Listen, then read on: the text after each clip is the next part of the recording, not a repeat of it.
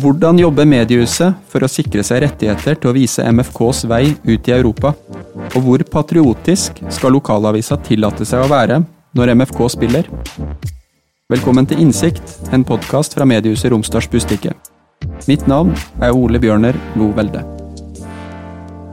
Levende bilder har vært en viktig satsing for Romsdals Bustikke i 2019. Gjennom sesongen sendte mediehuset direkte fra fire kamper i Europa League, nesten alle hjemmekampene til Molde i Rema 1000-ligaen i håndball, og en rekke kamper med MFK2 og treff i Post Nord-ligaen. I tillegg sendte vi 70 kamper fra Norway Cup. Jeg skal snakke med Carl Henrik Innbjørg, som er vår eh, faste sportskommentator, og med sportsjournalist Martin Brøste i Romsdalsbustikket. Å starte med det første. Hvorfor har mediehuset valgt å satse så mye på levende bilder i 2019? Nei, Jeg tenker at uh, det gjenspeiler litt samfunnet sin utvikling. Vi ønsker å få det live, og så tenker jeg at det har utvikla videre mediehuset det er i forventning hos eh, folket. Det å være til stede. Nå, nå kan du få den eh, lokale fotballkampen uh, uansett hvor du er. Jeg, jeg føler at mediehuset har bare vokst de siste årene på det. Du ser jo bare på um, tallene på abonnementssalg, hva vi, det vi har solgt mest på de siste årene. Det, det, har vel du kontroll på, Ole Bjørne, men det er jo vanvittige tall da vi har særlig på disse europacupkampene til MFK. Europacupkampene har vel alene bidratt til et salg på rundt 400 abonnementssalg i, i 2019, så um, absolutt viktig for, um, for, abonnement. Og så ser vi også at det er viktig for tilknytninga til mediehuset. Altså En god kamp i Europa League hadde opp igjen 5000-6000 innlogga abonnenter. Og det er veldig gode tall hvis du tar i betraktning at 9 000-10 000 av våre abonnenter har oppretta digital tilgang. Og det Som Kalle sier, så sier det jo litt om hvordan et mediehus skal jobbe da i 2020. Det er ikke bare å lage den der noen papiravisa som skal ut uh, dagen etterpå, men uh, det å være til stede her og nå og gi folket direktesendte bilder og, og lyd. Hvordan oppfatter du Martin, at uh, sportsjournalistrollen har um, eh, endra seg? Altså, du har vært i Bustika i Jeg har ikke vært her mer enn fire år, så kanskje ikke riktig mann å spørre om sånn i det lange løp. Men uh, man er jo multimedial, da.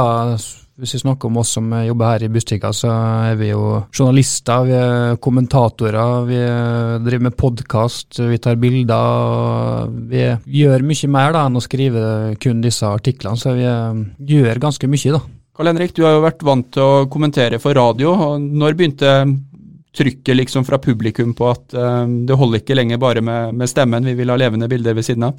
Nå er jo vi i en litt spesiell posisjon der vi har Norges beste fotballag. Så må vi være så ærlige å si at vi er ikke Norges største by. og Det, det gjør jo at um, disse største TV-selskapene uh, de har nok hatt muligheter til å kunne være med og, og kjøpe MFK-kampene, men så går det jo kamper fra Rosenborg og Brann samtidig.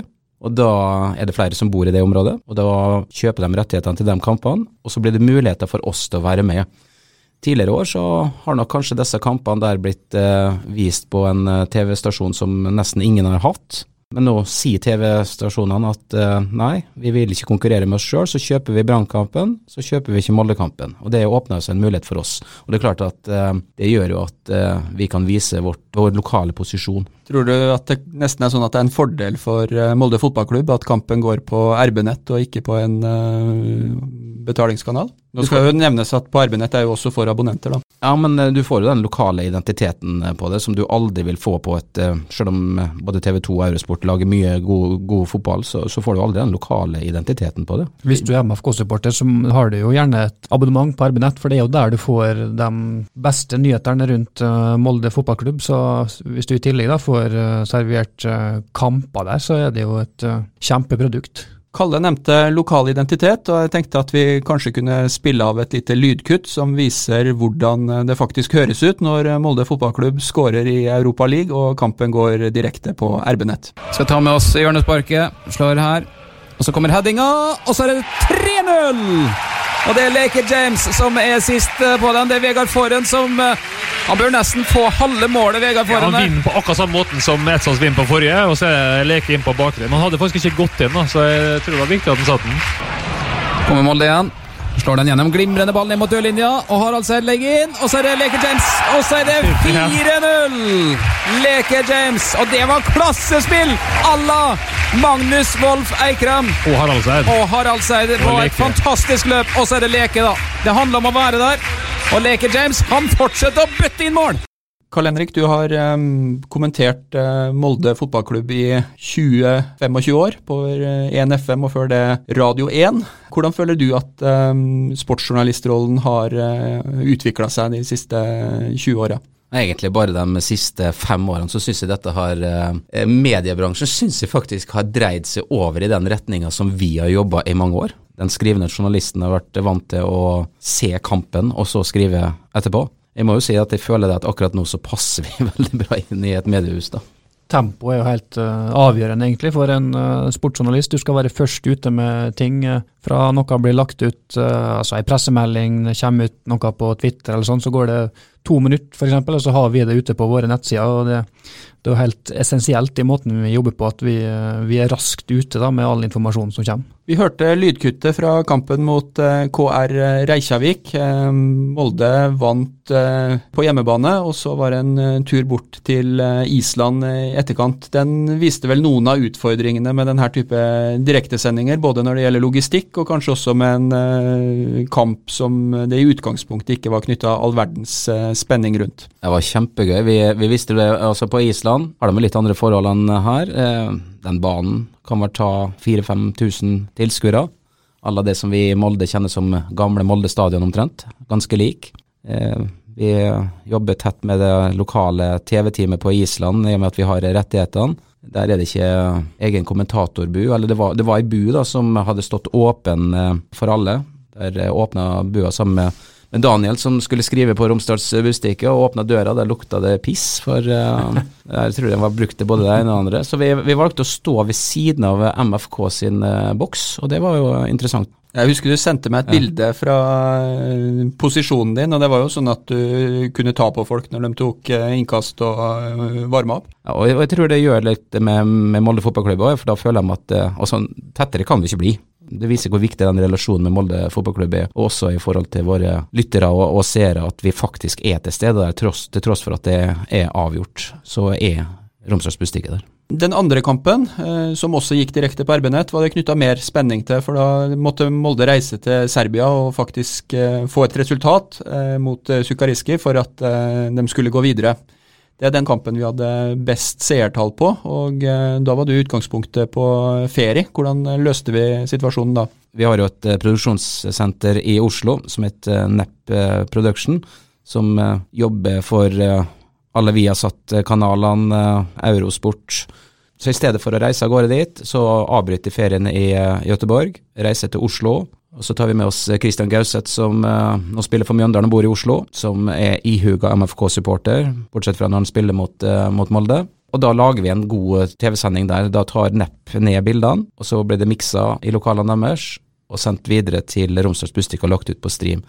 Det blir ei fullgod TV-sending. Husker det er litt sånn eh, spenningsnivå i redaksjonen når det her skjer, for det er jo litt eh, nytt område for oss. Sjøl om vi får hjelp til det, da. Men altså, det å bli trygg på at all teknikk skal fungere, det er en, eh, en utfordring. Og så når vi faktisk ser at vi er på lufta, skal i hvert fall jeg som redaktør innrømme at da er jeg veldig sånn, eh, glad og, og, og letta. Jeg vet ikke hvordan det føles eh, for dere som er ute i feltet.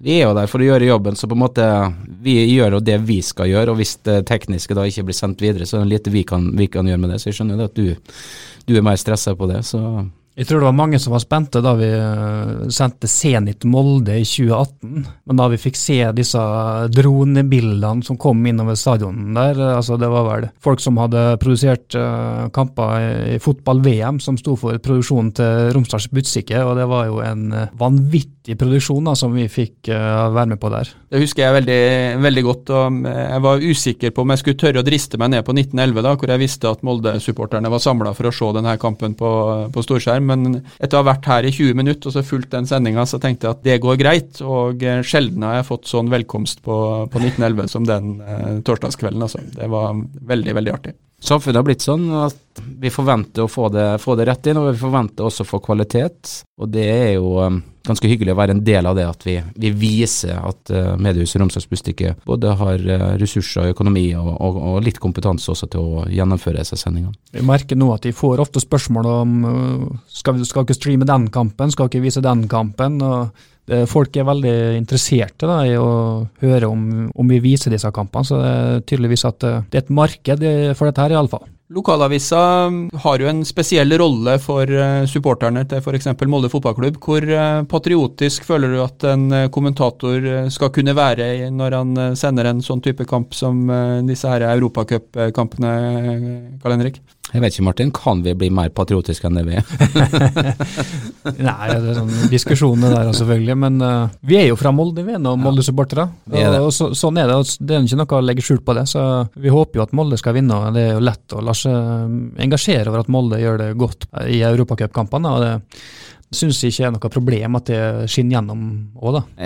Helt klart det er den fordelen vi har, og vi skal være lokale og vi skal gjenspeile. Også supporteren som eh, sitter og hører på, han elsker jo MFK, og det skal jo vi gjøre òg. Sånn oppfatter jeg jo egentlig at TV-kanalene også er når det gjelder direktesendinger, men det går et ganske viktig skille der, Martin, i forhold til hvordan man tenker i den løpende journalistiske dekninga av, av, en klubb som Molde. For da er vi ikke alltid supportere, som du sier. Da har vi en kanskje enda viktigere oppgave som et litt sånn kritisk korrektiv til klubben og, og, og, hvordan den ble drevet? Det er klart, men oss Kalle også kan jo sitte og være kritisk på, på en fotballkamp. Eh, og det, det, bruker han jo også å være. Eh, selv om vi, vi, heier på Molde og vil at de skal gjøre det bra, så er vi jo er ikke redd for å være kritisk og, og gå den veien heller. Jeg skal gjenspeile litt supporten, supporterne, i hvert fall så tenker jeg sånn jeg, tror, jeg, har jo vært med på ganske mange MFK-kamper og vært fantastisk historie med, med MFK. men jeg tror noe av det verste jeg har opplevd med MFK, det var når de røyk ut mot Stjørdal i cupen for noen eh, år siden, der Solskjær lar faktisk Elionussi sitte og brenne ned på benken eh, og se på at vi taper. Det var noe av det verste, og da var vi ganske klare på hva vi mente, da. Ja, Det er synd at vi ikke har et lydkutt av det som vi kan uh, presentere. Uh, til slutt, uh, framtida. Hva muligheter ser vi innenfor levende bilde for uh, mediehuset Romsdals Bustikke i, i 2020 og framover i tid? Nei, det vil vel i alle fall ikke bli mindre av det. og Om vi ser på hvordan vi vil løse produktet, da, altså vi skal vise en kamp, kanskje skal vi også gjøre ting før og etter kampen, som vi har gjort mer og mer av egentlig de siste åra. Både med studiosendinger utafor stadion, eh, gått live i mixed zone, eh, og det er sånne type ting vi sikkert kommer til å gjøre enda mer av, da, både i år og, og i årene som kommer. Dette er nok ganske sikkert en stor diskusjon i, i mange mediehus. Nå har vi vært så heldige at vi fikk først den Zenit-kampen, og vi har fått eh, europacupkamper det siste året. Jeg har en følelse av at samtlige mediehus i Romsdals Bustikke i hvert fall eh, har sett hva viktig det er, så jeg, så jeg tror ikke det blir noe mindre her. Du har hørt Innsikt, en podkast fra mediehuset Romsdals Bustikke. Ved å abonnere på denne podkasten får du automatisk beskjed når en ny episode er klar. Thank you.